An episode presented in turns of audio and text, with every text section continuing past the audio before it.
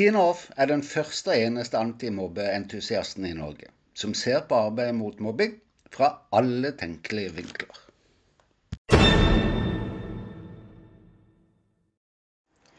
Er det håpløse foreldreforventninger i mobbesaker?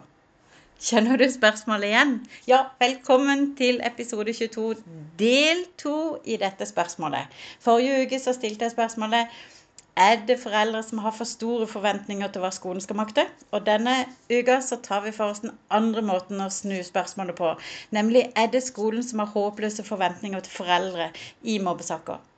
Jeg har også lovt å ta opp hva som skjer når saksbehandlingen tar en drastisk vending, og jeg håper jeg rekker det. Ok, ok, ok. ok. Så hvor starter vi?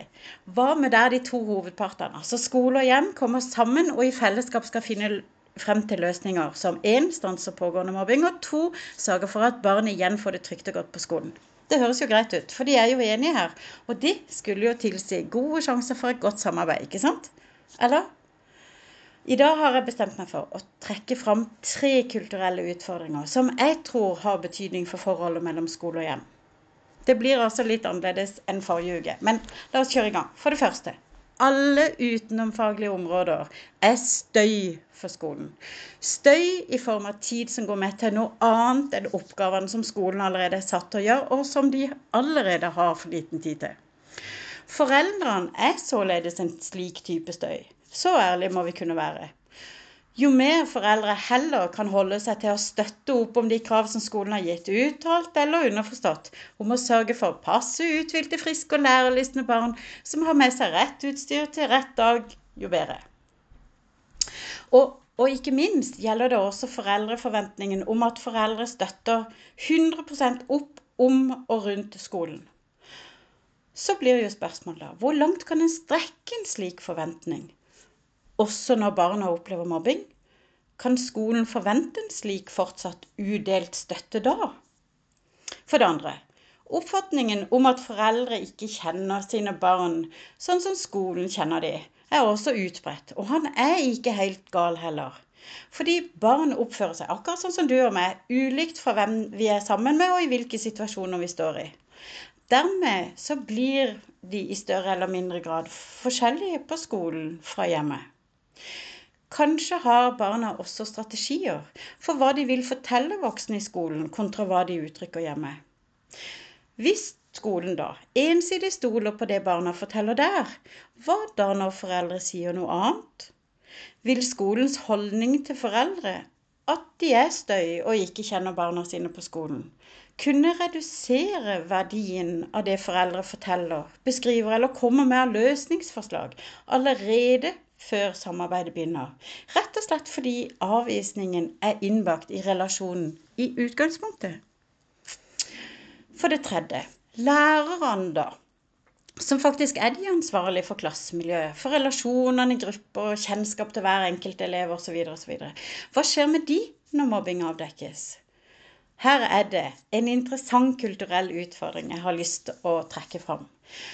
Og en, eh, en forsker, eh, førsteamanuensis Børgeskolen ved Oslo OsloMet, finner i sin forskning, når han ser på lærere som utsettes for vold av elever, da, så finner han noe i lærerrollen jeg tror er relevant også for oss. Det han sier da, er at sitat, det ligger i læreryrket at du skal ha kontroll i skolehverdagen. Da tilhører du lærerklubben. Bryter du med denne normen, opplever du avvisning i stedet for støtte.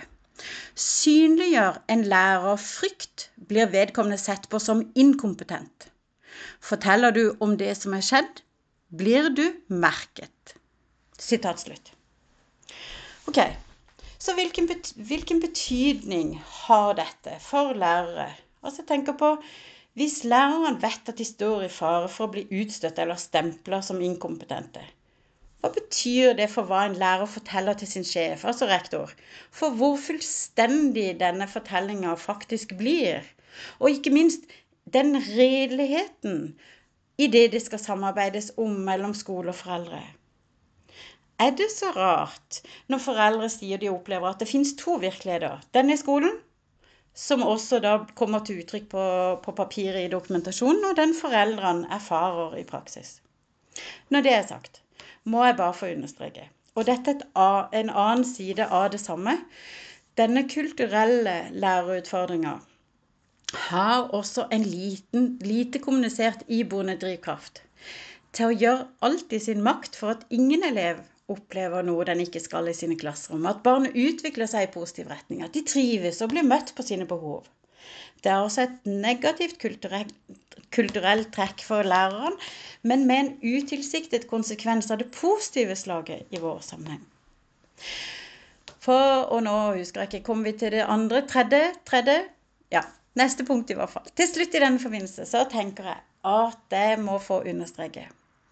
Årsaken til at foreldrene ankommer skolen, er jo ikke at foreldre ønsker å være der istedenfor på jobb.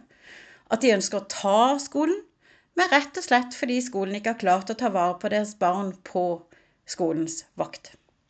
Mobbing er jo et resultat av at skolen har mangler i sitt skolemiljø. Hvordan faller det sammen med foreldre som støy? Forventningen om 100 støtte sko for skolens eh, krav og den faktiske fortellingen om mobbingen. Kan man i det hele tatt møte foreldre med et slikt utgangspunkt? Og hvis du mener ja, hvilke forventninger kan man da ha til samarbeidet med skolen? Det ligger noen nøtter her, tenker jeg da, som systemet ikke fanger opp. Gjør det ikke? Ok, la oss flytte fokuset litt til der saker strekker ut i tid. Altså, nå har vi beveget oss langt. Skolen har satt inn alle tiltak de kan finne på, men barnets bedring det lar altså da vente på seg. Hvordan kan noe slikt skje, kan vi tenke. Her er det mye jeg kunne pekt på, selvfølgelig, men tenker at det viktigste her, det er å forstå at i hver sak er det ulike lærere og foreldre involvert. Rektor kan for så vidt være den samme da hvis det skjer på samme skole. Hvor mange mobbesaker en skole har, det varierer jo veldig. Og ikke minst er det store forskjeller på den enkelte lærers erfaring med mobbing. I verste fall i vår sammenheng kan det bety at en sak behandles av både en rektor og en lærer uten nylig erfaring på mobbesaker. Hvor tiltak blir mer eller mindre tilfeldig valgt, og dermed effekten på barnet tilsvarende redusert. Null mobbing er jo alltid det ønskelige, men når det først skjer, så hadde det vært kjekt. Prikk, prikk, prikk. Et annet forhold, da. Eller noe annet som er viktig i denne forbindelse, er jo dette med klassedynamikker og enkeltelever. ikke sant? Hvordan tiltak slår ut, er jo avhengig av begge disse. Det betyr at det i utgangspunktet kan være glimrende tiltak som settes inn, men som slettes ikke treffer eller gir ønskelig effekt, være seg på klassen eller enkelteleven. Her da, i skolens fortvilelse over ikke å vite hvilke flere tiltak som kan settes inn, hva mer den kan gjøre, er det erfarer at skolens behov for å finne årsaker utenfor seg sjøl melder seg. Det må jo skyldes kanskje feil og mangler hos barnet. Kanskje trenger det andre instanser, f.eks. helse. Og så går man over til å fokusere på foreldrene. Og da blir jo da neste spørsmål hvilke feil og mangler kan foreldre ha i mobbesaker? Ja da, det kan bli riktig ubehagelig, ampert og følelseslada i møter. Men kan vi forstå de? For la oss være ærlige. Foreldre har en kontrakt i gåseøyne med myndighetene om at de lydig sender sine barn til barnehage og skole mot at barna blir ivaretatt og får de ferdigheter de trenger for å bli aktive samfunnsborgere. Den er jo brutt. Ingen foreldre ville ha signert på noen kontrakt der det står at deres barn kan bli utsatt for fysisk eller psykisk vold i skoletida. Aldri. Heller så møter foreldre skolen litt som de gjør med sine egne barn, faktisk. Nemlig med en 'alle kan gjøre feil'-holdning. Og gis, gir skolen a second chance.